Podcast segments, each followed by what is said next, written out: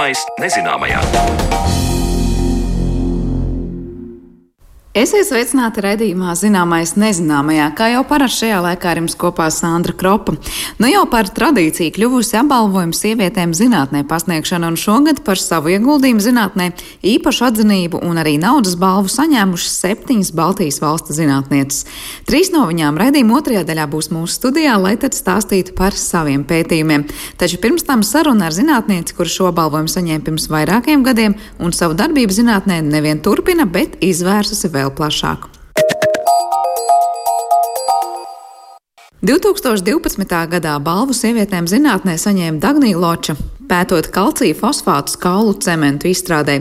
Tie savukārt lieta noderētu, lai veidotu sacietējušu pastu kaulu defektu aizpildīšanai dažādu saslimšanu un traumu gadījumos. Šobrīd vēlējāmies noskaidrot, kā turpinājies zinātnieces ceļš pēc apbalvojuma saņemšanas un kā attīstījusies arvien jaunu materiālu pētniecību. Par dzīvi, darbu un iespējām zinātni skaidrot sabiedrībai vairāk interesējās mana kolēģe Mariona Baltkalne.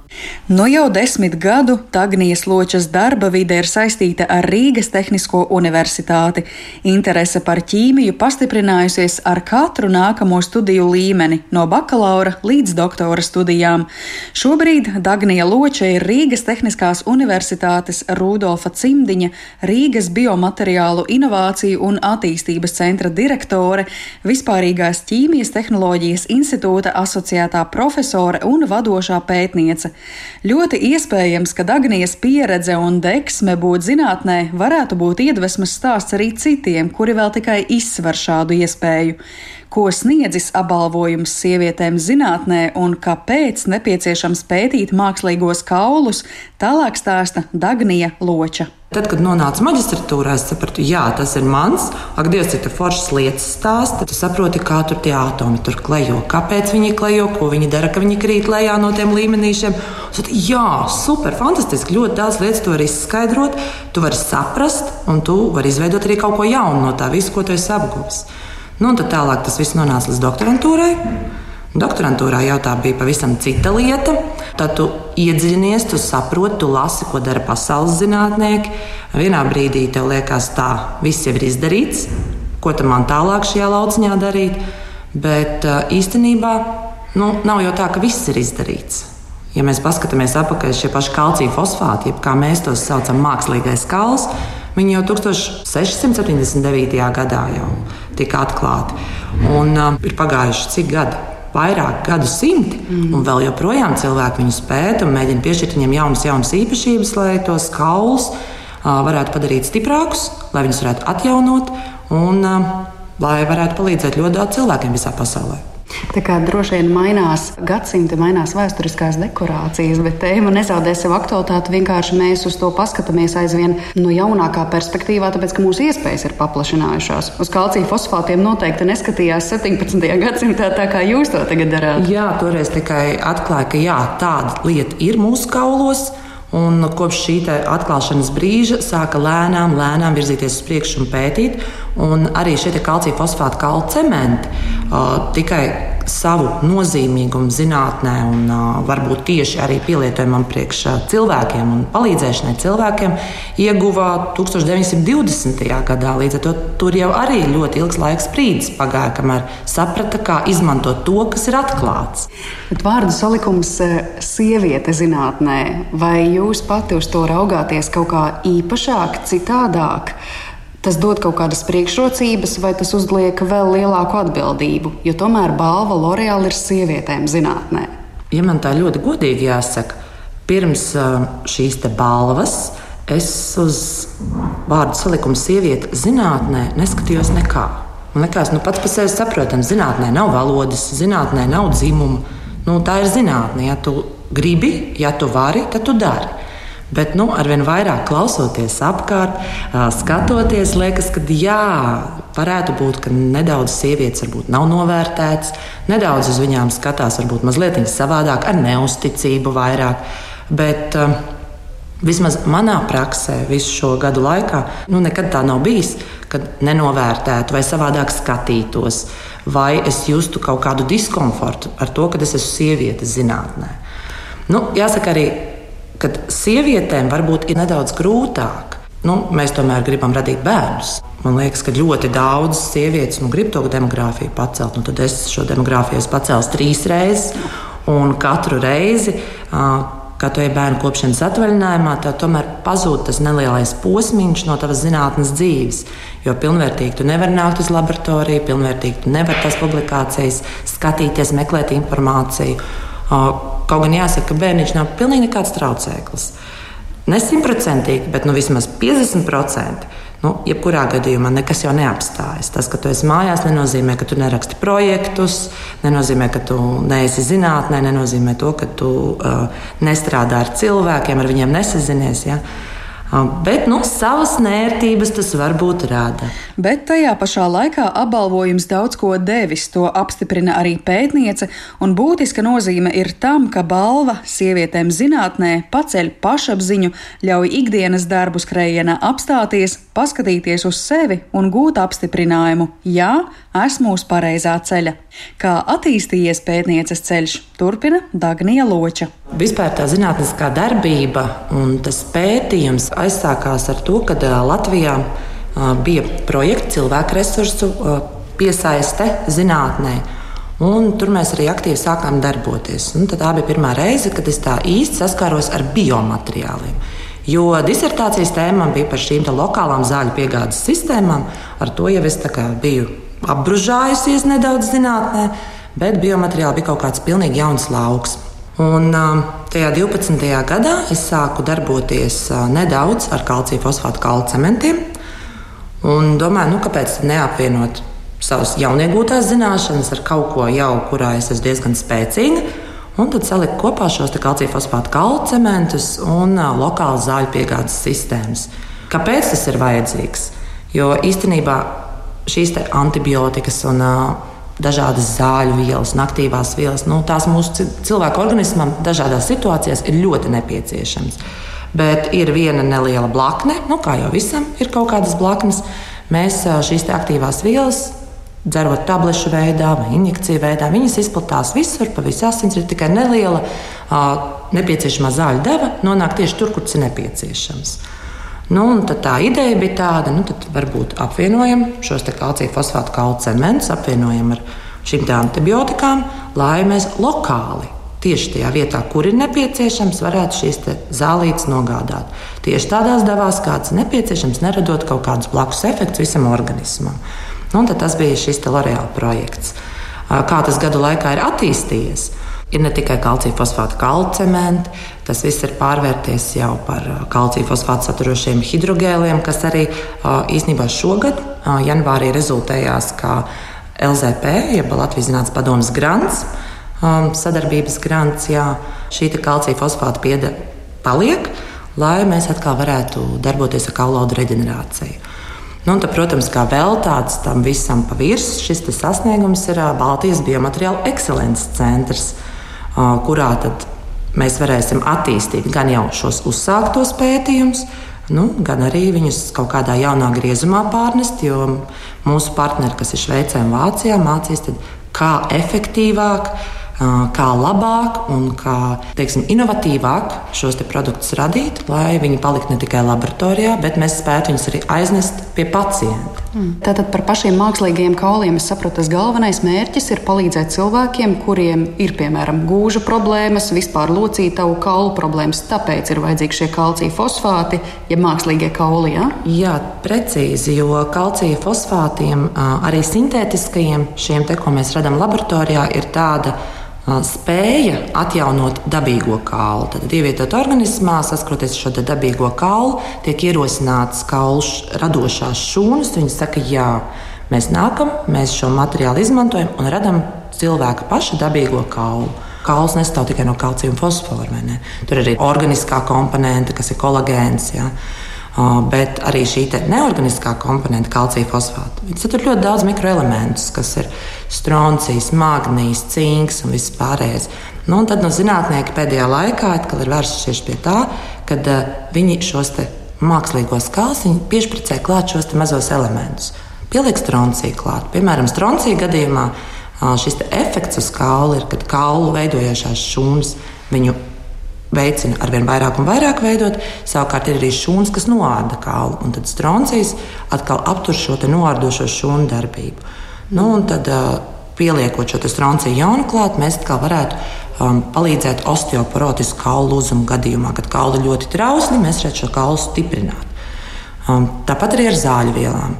Um, mēs strādājam ne tikai ar antibiotikām, mēs strādājam arī ar um, pret osteoporozes zālēm. Un kāpēc mēs to darām? Arī tieši šo osteoporotisko kaulu lūzumu gadījumā, ja mēs šādas sistēmas izmantojam, tad divējādi darbību mēs varam panākt.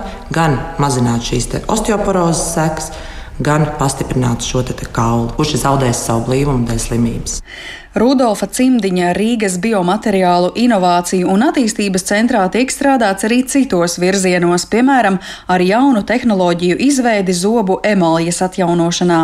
Bet Dagnijai Ločai jautāju, kāpēc sabiedrībā dažkārt valda neskaidrs priekšstats par zinātnes nozīmi un zinātnieku ikdienas darbu, vai pētnieku sniegtā informācija ir pārāk sarežģīta, vai arī tā vienkārši pārāk maz sasniedz sabiedrību. Manuprāt, Zinātni, protams, ir ļoti grūti izstāstīt vienkāršiem vārdiem. Tas ir viens. Un otrkārt, cilvēks jau ir tāda būtne, kad uh, viņam gribās tagad, tūlīt. Nu, tas vienā dienā, ko viņš ir dzirdējis televizorā, viņš saka, nu, kāpēc man nākamajā dienā, ko viņi tur pēc tos 20 gadus, nākamajā dienā es gribu tagad, tas ir superīgs produkts, un es gribu viņu tagad sev, būt, lai man kāds viņu ieliek tagad iekšā. Bet nu, īsti jau tā tas nenotiek. Un cilvēki jau neapzinās, ka arī tas, ko viņi pašreiz izmanto, tas ir pirms 20 gadiem uzsākts pētījums, kas pašreiz ir nonācis, izgājis visas drošības pārbaudes un nonācis līdz tam pacientam. Un darbs jau neapstājas. Katru gadu tiek meklēti risinājumi, jauni uzlabojumi, bet jāpiet ir vēl 20 gadiem, lai atkal uh, varētu šis produkts nonākt uh, vismaz biomateriālu jomā, noteikti, lai viņš varētu nonākt līdz uh, pacientam. Un no otras puses, ja man kādreiz saka, nu, viss ir kārtībā, jūs esat kaut ko uztaisījuši, nu, liekam iekšā, daram, daram. Un tad ir tas jautājums, darīt jau varētu, bet vai tiešām kāds gribētu, lai Viņā izmanto materiālus, jaunas sistēmas, jaunas zāles, kas nav simtprocentīgi pārbaudītas, kurām pēc gada vai diviem pēkšņi parādītos blaknes. Nu, un uz šo jautājumu parasti saka, nu nē, labāk tad lēnām, prātīgi, nu, tad, lai viss tas ir uh, atstrādāts, zināms un, kā saka, certificēts. Pētniece piekrīt, ka būtiska loma zinātnes un sabiedrības tuvināšanai ir mākslas elementiem, piemēram, infografikām, kas uzskatāmi var izskaidrot to, kas aprakstīts daudzu lapušu garos pētījumos.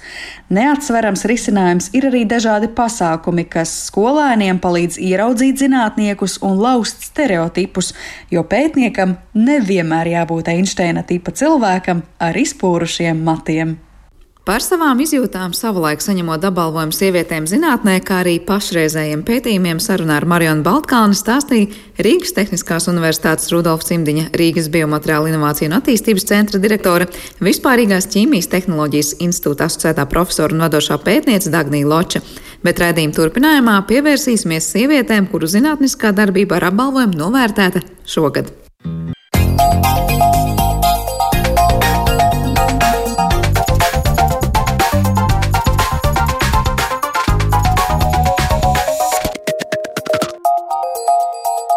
Zināmais nezināmajā. Kopš 2005. gada Latvijā tiek īstenota L'Oreal Baltica programma sievietēm zinātnē, kuras ietvaros katru gadu tiek īpaši atbalstīta Baltijas valstu zinātnieces, kuras veic pētījumus dzīvības, vidas zinātņu, fizikas un inženierzinātņu jomā. Šogad no Latvijas apbalvojumu saņēmušas trīs zinātnieces, un viņas arī šodien ir mūsu improvizētajā studijā. Pie mums šodien ciemos Latvijas valsts koksnes ķīmijas institūta polimēra laboratorijas pētniece un Rīgas Tehniskās universitātes doktorante Aiga Ivdra, Latvijas universitātes cietvielu fizikas institūta optisko materiālu laboratorijas pētniece un doktoranta materiālu fizikā Latvijas Universitātē Ivita Bita un pārtiks drošības dzīvnieku veselības un vidas zinātniskā institūta bioru vadošā zinātniece un ķīmijas laboratorijas chromatogrāfijas grupas vadītāja Iveta Pugājeva. Labdien jums visām! Labdien! Labdien. Vispirms jau, protams, ka apsveicam visas raidījuma komandas vārdā jūs ar iegūtu apbalvojumu. Jūs, laikam, esat to uh, laureātu vidū, kas šogad pie svinīgās ceremonijas uh, dažādu drošības apsvērumu dēļ, protams, valstī esošo netiek, bet oficiāli tiksiet sveiktas vēlāk. Taču joprojām, protams, ir spēkā tas, ka mēs visi varam jums sveikt kā šī gada laureāts. Uh, vispirms varbūt sākšu ar katru no jums pavisam vienkārši un, un tieši par ko ir jūsu pētījumi, jo jūs esat ļoti dažādās jomās. Zinu, ka uh, Iveta vairāk pārstāv tādu ļoti praktisku lietu, liekas, kā no notekūdeņiem. Ja mēs varētu saprast, ar ko īsti mēs slimojam vai neslimojam, ko ēdam un ko nēdam, tad savukārt Iveta, Ivetai būs daudz, daudz sarežģītāks pētījums par materiāliem, un Aigai arī daudz kā interesanti par to, kā inovatīvi tikt pie jaunām vajadzīgām lietām, no šķietami varbūt nevajadzīgām un atkrituma lietām. Iveta, varbūt sākšu ar jums, par ko ir tas pētījums, jo izklausās, es te palasīju arī tajā izsūtītajā preses materiālā, nu ļoti, ļoti interesanti. Pēc notekūdeņiem gan izvēs sadzīsiet pēdas, ar ko sabiedrība slimo un neslimo. Nu, tas būtu labākajā gadījumā. Mēs tā ļoti gribētu. Bet, eh, kā jau kā ļoti bieži ir tas, ko mēs vēlamies, eh, nu, nevienmēr tiek arī iegūts rezultātos. Bet eh, vispār uz notekūdeņiem balstītā epidemioloģija tā ir tāda inovatīva pieeja, kuru izmanto, lai pētītu cilvēka metabolismu izdalīšanās produktus. Un ar mērķi, kā jūs teicāt, iegūt gan uztura, alkohola lietošanas parad, paradumiem informāciju par veselības stāvokli, un varbūt tās arī par vides kontaminātu iedarbību uz mūsu organismu. Un, šī metodoloģija sākotnēji tika izmantota neatļautu zāļu un terapeitisko zāļu nepareizu lietošanas izvērtēšanai, bet pašlaik viņa šī sfēra ļoti Eiropā un vispār arī pasaulē plaši ļoti strauji attīstās un tiek iekļauts arī farmaceitiskie savienojumi, personīgās higiēnas līdzekļi nu, un dažādi cilvēku izcelsmes um, biomarķieri. Un, uh, mūsu nolūks arī ir uh, izstrādāt inovatīvu metodi, kas būtu piemērota plašāka spektra šo biomarķieru noteikšanai un papētīt uh, mūsu pašu sabiedrību. Bet kā tas notiek? Tas notiek, ka jūs paņemat kaut kādu notekūdeņu, neattīrītu vai attīrītu paraugu no kaut kādas konkrētas mājas, vai tā jau ir notekūdeņa attīrīšanas stacija, un tur ir visa Rīga kopā. Nu, kāds ir tas ceļš? Jā, nu, ūdens būs, jā, ūdens būs tāds kopējs par visu sabiedrību. Tas nebūs uz māju vai uz kādu iedzīvotāju konkrēti mērķēts. Ir domāts attī, at, noņemt ūdeni no pie notekūdeņu attīrīšanas sistēmām, ka neatīrīts ūdens, tas, kas ieplūst, tas, tas kas vēl nav apstrādāts, un ar to ūdeni, kas vēl nekas nav noticis, ja? bet nu, kurš jau saticis baseinā, ir jau saplūdis, lai tālāk iet uz attīrīšanu.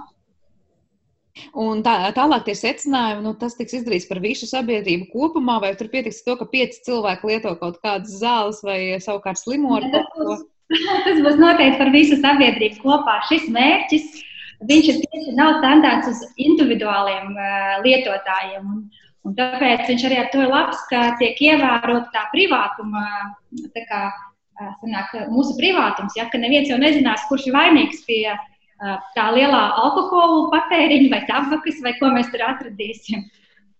Un tālāk, tad, kad jūs secinājumus kādus izdarīsiet, nu, ko tas tālāk dos, mēs sapratīsim, piemēram, nu, kaut vai tas pats alkohols, ka Latvijā sabiedrība daudzē maz to lieto, vai nu, kāds ir tas praktiskais pielietojums?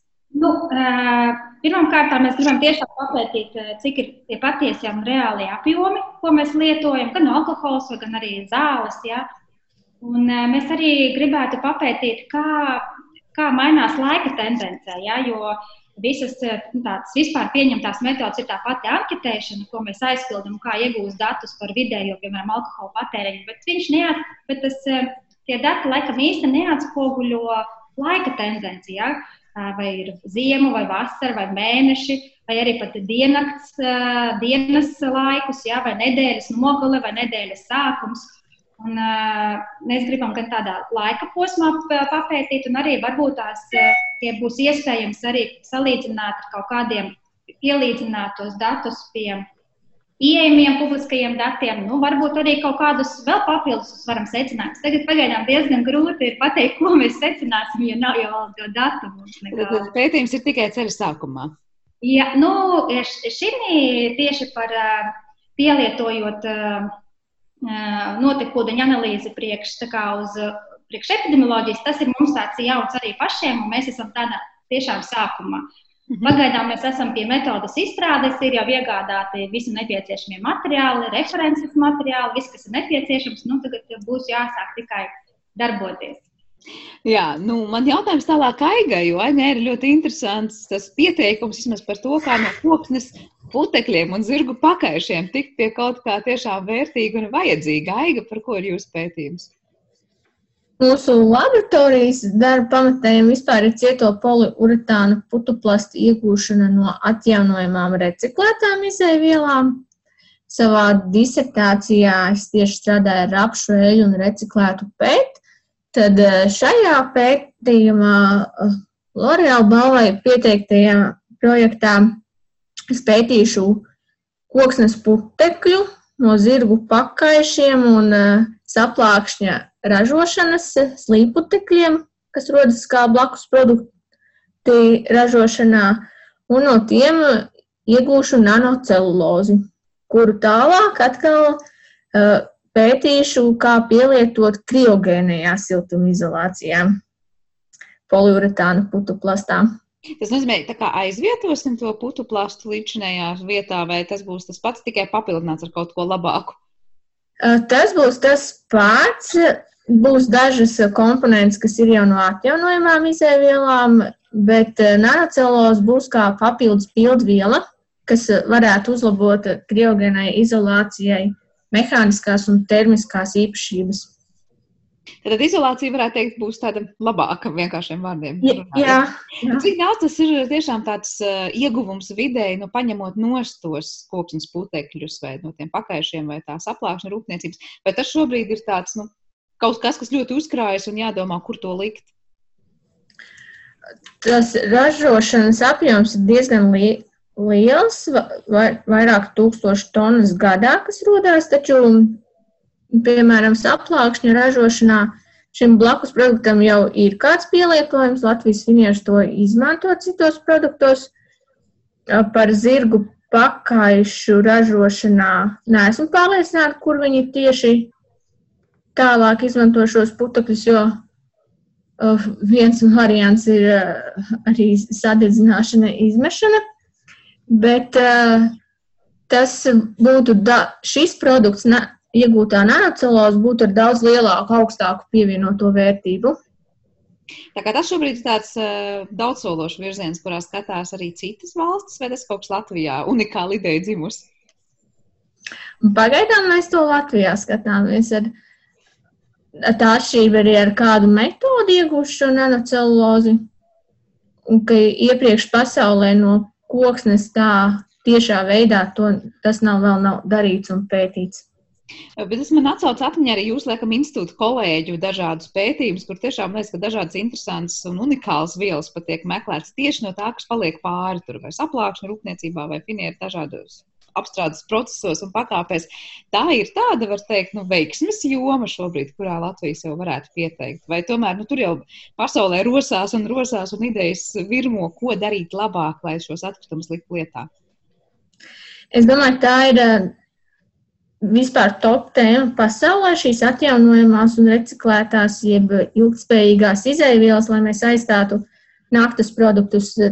Vienīgi katrā projektā tas varbūt ir specifiskāk, kuru, proje, kuru blakus produktu vai atkritumu produktu mēs paņemsim, kā mēs to pār, pārveidosim par vērtīgāku materiālu un, un ko tad mēs beigās eh, iegūstam kādu materiālu ar, ar kādām īpašībām, un, protams, cik tas ir reāli ieviest arī ražošanā. Jo izpētīt ir viens, bet, bet ieviest ražošanā ir vēl viena liela cita daļa. Jā, tas ir pilnīgi tā kā cita pasaule. Dažkārt dažādos produktos tāds pats jautājums, ko es uzdevu arī Ivetai, vai šis ir tāds sākuma posms un pirmie soļi, kas tiek spērti pētījumā, vai tās iestrādes jau tur ir, un tas ir jau tāds kārtīgs ieskrējiens. No koksnes putekļiem tas mums ir sākums. Tā kā viss vēl tikai priekšā. Paldies, Ivita. Man jautājums par to trešo pētījumu, kas šogad īpaši likts godā un, un daudzināts. Manuprāt, liekas, viss sarežģītākais, jo tur ir stāsts par materiāliem, par to, kā var teikt, mainīt tā īpašības vai kas īsti ir, par ko ir stāsts Ivita. Pētījumu ietvaros mēs pētām ķīmisko sintēžu metodu ietekmi uz materiālu fizikālajām īpašībām. Ir tā, ka mūsdienās gan akadēmiskā, gan arī industriālā vide tiek visu laiku izaicināta, kā, lai iegūtu, jeb sintēzētu materiālus pēc iespējas dabai draudzīgākā veidā. Un, uh, dažas no būtiskajām lietām ir samazināt izmantoto ķimikāliju daudzumu, līdz ar to, lai samazinātu arī ķīmisko vielu uh, atkritumu un izmešu daudzumu, kā arī, lai būtu pēc iespējas energoefektīvākas šīs metodes. Pētījuma ietvaros mēs izmantojam daudz un dažādas metodes, piemēram, solgēla vai, vai ciet, cietvielu fāžu metodi, pat parastās izgulsnošanas metodas, bet galvenais fokus, uz, uz kuru iet mūsu laboratorija, ir mikroviņu asistēto sintēšu metode. Jo šī metode ir dabai un cilvēkam vesel, un cilvēku veselībai draudzīgāka. Ka mēs varam pie zemākām temperatūrām iegūt paraugus, kurus pārsvarā ja iegūst pie paaugstinātām temperatūrām, vai arī vide ir daudzreiz dabai un cilvēka veselībai kaitīgāka. Kā arī būtiski tas, ka mēs varam iegūt homogēnākus, viendabīgus paraugus, kas nozīmē, ka ir vieglāk atkārtojami un arī vieglāk reproducējami uz lielāku tilpumu sintēzēm kas eh, ir ļoti būtiski tai saknei starp industriju, industriālo un pētniecību. Tādā veidā varam ātrāk un īsākā procesā paraugus, ja materiālus ieviest cilvēku ikdienā. Tas sanāk, ka kļūst tā, tā kā gan vidē draudzīgāks tas pats iegūst process un cilvēkam draudzīgāks, gan arī vienkārši tas materiāls kļūst kvalitatīvāks beig beigās. Jā, jā, var iegūt kvalitatīvāk un arī pozitīvs ir tas, ka tā, izmantojot šo mikroviņu asistēto sintāšu metodi, mēs viena parauga ietvaros, višķi pamainot kā struktūru, kristāla režģī vai sintēzē pievienojot nedaudz citu ķimikāliju, mēs varam izmainīt viņu fizikālās īpašības un līdz ar to dodam vienam paraugam lielāku iespēju pasaulē. Pietikt, jā. Bet jautājums par kādiem tieši materiāliem ir stāsts, vai tas ir kaut kas ļoti specifisks un mikro gandrīz izmēros un izmantojams tad tur tālāk kaut kādās ļoti smalkās ierīcēs, vai tas ir kaut kas, kas ir ļoti plaši pielietojams? Nu, kurās jomās tie materiāli tālāk to savu ceļu uzsāk? Mūsu laboratorijā ļoti plaši pa Mēs pētām diezgan plašu paraugu daudzums materiālu, kas ir gan cinka oksīdi, kas ir domāts scintillatoriem, gan arī stroncija alumināti, kas ir kā tumsā spīdošs materiāls. Viņš spīd tikpat labi, kā var salīdzināt kā ar jāntarpiņu, ar tādu pašu toni. Mēs ļoti ceram, ka mēs panāksim to, ka stroncija aluminātu varēs Latvijā izmantot ceļa zīmēs, drošības zīmēs un iespējams uz veloceliņiem, lai uzlabotu vispārējo drošību un arī ļoti smuki izskatās. Tāda mums ir alumīnija oksīda parauga, kuri ir priekš dozometriem, ko pārsvarā izmanto cilvēki kas strādā ar radiācijas vai kodola enerģijām. Un mūsu mērķis ir um, arī mūsdienās ir tas, ka lielākā daļa viss tendencējās kļūt pēc iespējas mazāki un jaudīgāki, un līdz ar to mūsu mērķis ir sintēzētos materiālus pēc iespējas uh, mazākos izmēros, tas ir nanoizmēros, tā kā mazi nanokristāliņi, un līdz ar to viņiem arī īpašības sāk mainīties, un arī pielietojuma iespējas arī mainās, un līdz ar to tas ir jāpēj diezgan cītīgi, jo tā ir nākotne. Klausoties jūsos visās trijās, man pārņem tā sajūta, ka šogad izteikti tematiski dominē kaut kas saistībā ar vidi vai vides kvalitāti vai resursiem un mūsu vidas uzlabošanu. Pirms vairākiem gadiem šķiet tā tematika tur bija pavisam cita. Vai jūs arī sajūtat to, ka tematiski tā vidas jautājuma lokus nu šobrīd ir ļoti, ļoti, var teikt, uz viļņa un arī šādos apbalvojumos sev piesaka vairāk kā citus gadus? Tādas sajūtas ir ne tikai mums laboratorijā, bet arī starptautiski, jo nu, uz to arī vairāk tendencējas arī Eiropas direktīvas, ka kļūst nopietnākas gan uz sintēzēm, gan arī uz vidi, gan arī pat uz lauksaimniecības lietām, cik skatos uh, pēc ziņām. Līdz ar to jā, tas kļūst aizvien aktuālāks, jo cilvēkiem sāk rūpēt vairāk, izskatās. Mhm, paldies, Iveta! Nu, ja, ja es tagad tā spriežu pēc uh, mūsu analītiskajām metodēm, kuras mēs pielietojam, ja, tad, protams, ka sākumā maskulīniskās metodes bija tikai nu, pietiekami jutīgas, lai veiktu analīzes pārtikā un pārtikas produktos. Ja.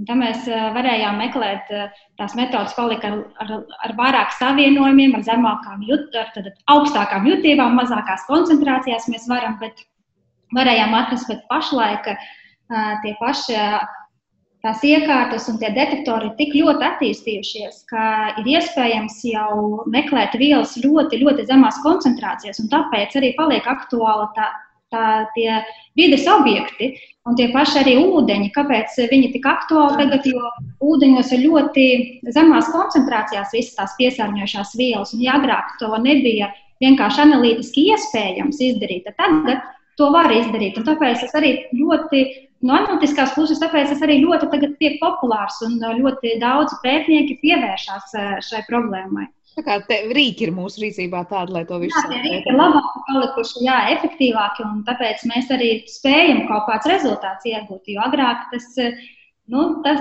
to tā nebija pat tehniski iespējams izdarīt. Mm -hmm. Paldies, Aiga, vai ir kas piebilstams pie tā, cik ļoti tas šobrīd ir uz viļņa? Ivit jau pareizi pieminēja, ka viena lieta tās ir Eiropas direktīvas, kas ražotājiem liek vairāk domāt, ka viņi arī vēlas kaut ko dabai draudzīgāku. Otra lieta ir pašas sabiedrības interese un apziņa par, par vidi, vides saglabāšanu. Un, un trešā lieta, ka varbūt vairāk ir attīstījušies šie produkti no atjaunojumām izēvielām, un tā pielietošanas sfēra paplašinās, jo man projekta gadījumā atjaunojamo izēvielu izmantošana kri, kriogēnajā izolācijā, kas ir arī kosmosā raķetēm, lai palaistu, iepriekš vispār tāda doma nebija, jo, jo materiāliem ir ļoti augstas prasības un atjaunojamie materiāli, dabas materiāli var būt ar mainīgu sastāvu, un tāpēc ir grūtāk panākt noteiktu konkrētu un nemainīgas īpašības, bet attīstoties eh, zinātnē un eh, vispār šai tēmai, tas eh, pielietojuma lokus ir paplašinājies, tāpēc tas arī viens no iemesliem, kāpēc tas popularitāte pieauga. Tad man ir jautājums jums par jūsu iemesliem, kāpēc jūs nonācāt līdz šīm jomām un vispār tas jūsu ceļš zinātnē. Vai tas ir tas bērnības sapnis kaut kāds, kas ir īstenojies, vai jums bija pilnīgi cita izpratne par to, ko nozīmē būt zinātnē un kurā jomā darbosieties? Nu, nezinu, sākšu Iveti varbūt ar jums. Nu, tas nebija mans bērnības sapnis, un es nekad ne, nezināju, ka es kļūšu par zinātnieci. Un vispār liels paldies L'Oreal balvai, jo godīgi sakot, eh, līdz eh, šim apbalvojumam es pat tā īsti arī nejūtos kā zinātniece, jo darbs ir ļoti dažāds. Es arī vadu laboratoriju, vadu dažādus projektus, un es tā kaut kā tie darbi man ļoti dažādi. Nav tikai tā, ka tikai kaut ko pētu un ar zinātnē nodarbojos. Bet eh, kaut kā tagad, kad visi mani runā par zinātnieci, sauc man arī tāda mazliet tā kā nu nāk tas. Tā sajūta, jā, ka tiešām ka es esmu zinātniece, Un uh, varbūt uh, kāpēc es jau neuzskatīju, jo, jo man likās, ka zinātnieki nu, tie ir jābūt ļoti, ļoti gudriem un zinošiem cilvēkiem. Un, uh, nu, tagad, kad es esmu nosaukta par zinātnieci, es vēl tikai saprotu, cik daudz man vēl ir jāmācās, cik daudz man vēl ir viss kaut kas jāizlasa. Un, uh, cik daudz vispār ir jādara, lai es tiešām varētu tā sevi pilnīgi godīgi un ar tīru sirdi, sirdi nosaukt, ka es esmu zinātniece. Bet joma tad par šiem notekūdeņiem, ar ko uzrunājam, kas bija tas, kas lika teikt, es gribu tajā lekt iekšā un darboties? Nu, Pirmkārt, mēs mūsu laboratorijā mēs vairāk, protams, ar pārtiku nodarbojamies, un, bet tā pārtika vairs nav tik aktuāla tēma, ja, ja, ja mēs runājam par projektiem vai par kaut kādiem pieteikumiem. Un arī tie, tā pati vidas, eh, vidas objekti, priekš, mēs darbojamies ar vidas objektiem. Ļoti daudz mums par noturīgiem pies, organiskiem piesārņotājiem ir eh, pētījumi. Bet tas bija kaut kas jauns, un, un arī man pašai diezgan tā tēma ir saistīta ar, farmaka, ar, ar, ar, ar zālēm, ar antibiotikām. Man arī cits viens projekts, kur ir antimikrobiālā rezistence, tiek pētīta. Nu, tā ir arī ļoti aktuāla tēma, kas varētu vēlāk izrietēt no šīs tēmas, kad būs kaut kādi pētījumi, tad varbūt arī to rezistenci varēs pētīt, kas ļoti patiesībā tagad ir aktuāls. Nu, tā kā tā kopā šīs intereses ar dažādām jomām. Nu, no šīs tēmas, no, no tiem mūtekūdeņiem patiesībā ir ļoti daudz dažādi uh, virzieni, kā var iet tālāk, un ko var pētīt, un ko var skatīties. Ne tikai saistīts ar cilvēku sabiedrību, bet nu, arī vispār uz ne tikai cilvēku veselību, dzīves stilu vai, vai paradumiem, ja, bet tā ir tāda aktuāla vispār pasaules tēma, ja, ka nu, vide paliek mums piesārņotāk. Un, un kas viņu piesārņo paši, jo mēs arī viņu piesārņojam to vidi. Un tāpēc ir labi, ka ir pētnieki, kas pēta un mēģina labāk saprast, kas tur ir, lai mēs varētu piesārņot mazāk. Paldies! No, piesārņot arī, lai varētu attīrīt. Nu, ja mēs esam piesārņoti, tad mums laikam būtu jā, jāmāk arī attīrīt, vai ne? Bet nu, mēs patiesībā to nemākam. Un, uh, mūsu pētījumi arī parādīja, ka ne visas piemēram, tās farmakoloģiski aktīvās vielas tiek uh, attīrītas notekūdeņa attīrīšanas sistēmās, jo nu, sistēmas tam nav paredzētas. Tā kā tur darāmā ir daudz, lai saprastu, ko mēs un cik daudz un cik ātri ieliekam sistēmā un ko sistēma spēja vai nespēja ar to tālāk izdarīt. Ivit, Kāds bija tas ceļš zinātnē, un kāpēc šie materiāli uzrunāja, vai šis pētījuma lauks uzrunāja? Um, šo es ģimenē īstenībā esmu teikusi, iespējams, tikai Omei, tāpēc es vairs tālāk neteicu nevienam, jo viņi nebija baigi priecīgā par to, cik es atceros. Es īsti zinātnieks gribēju būt jau bērndārsā. Um, man, tas, pa, man to pamudināja uh, Opaps, Jo es atceros, kā mamma veda uz viņu darbu, jo viņš ir inženieris. Es atceros milzīgās tāfeles, visas tās trasēšana, un tas vienmēr šķita diezgan interesanti un savā ziņā pat stilīgi. Zinu, kad, kad viņš, un arī, kad viņš stāsta par lietām, un viņš zina tik daudz, var pastāstīt, kā tas viss notiek. Tas man vienmēr likās tiešām savā ziņā stilīgi, un man gribējās būt zinātniecei, un, un Līdz ar to, kad es Almai pateicu to, viņa tiešām nebija priecīga par to. Viņa teica, ka jāiet par ārstu. Bet, uh, jā, 12. klasē parakstīja vienkārši uh, papīru ar Latvijas uh, Universitātes ķīmijas fakultāti, un tas nonāca šeit materiāli. Man vienkārši tas bija diezgan arī spontāns tāds rīcība, bet es to nenožēloju. Diezgan interesanti, jo viņš ir tikai jo materiāla zinātnē ir ļoti daudzpusīga un visi, ir ļoti daudz jāmācās un, un piekrītu Ivetai to, ka uh, nu, ir grūti nostākt par zinātnieci, jo, jo vairāk es lasu, vairāk mācos. Ir ļoti, ļoti, es ļoti daudz sapratu, cik es patiesībā nezinu. Un, un tik ļoti skumīgi tas fakts, ka pietrūkst laiks, lai visu to apgūtu. Bet tas tikai pierāda to, ka kaut ko zinat, jo parasti cilvēki apzinot, ko viņi nezina. Jau var teikt, ka tiešām kaut ko ir, ir sapratuši. Un, un tas parāda to, ka arī bērnības sapņi piepildās, vai ne? Jā. Aiga, vai arī jums bija bērnības sapnis vai nejaušība nonākt tur, kur esmu? Bērnības sapnis tas nebija, jo, manuprāt, bērnībā es pat nezināju, kas ir zinātnieki un uh, ka bērniem nav īpaši tāda saskare ar, uh, ar šādu profesiju. Varbūt mūsdienās uh, tas ir vairāk, piemēram, ar zinātnieku naktīm, tas vairāk tiek popularizēts un arī jau no bērnības var cilvēks ieinteresēt. Uh, bet um, man patika mācīties. Es vairāk bērnībā laikam domāju par būt par skolotāju. Aizgāju uz ķīmijas tēmu, jo man vidusskolā jau bija ķīmijas padziļinājums ar ļoti lielisku ķīmijas skolotāju.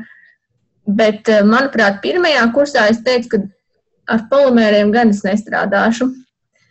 Taču, jā, jā, tā sanāca, ka kursabiedrs uzaicināja uz savu darba vietu paskatīties, un Un priekšnieks bija tā uzreiz ļoti atsaucīgs, nu tad nāca strādāt un izstrādā arī maģistra darbu, tā es arī nonācu polimēra laboratorijā esmu uh, tur tā aizkavējusies, palikusi uz, uz vairāk gadiem pamatīgi iesēdusies vislabākajā nozīmē.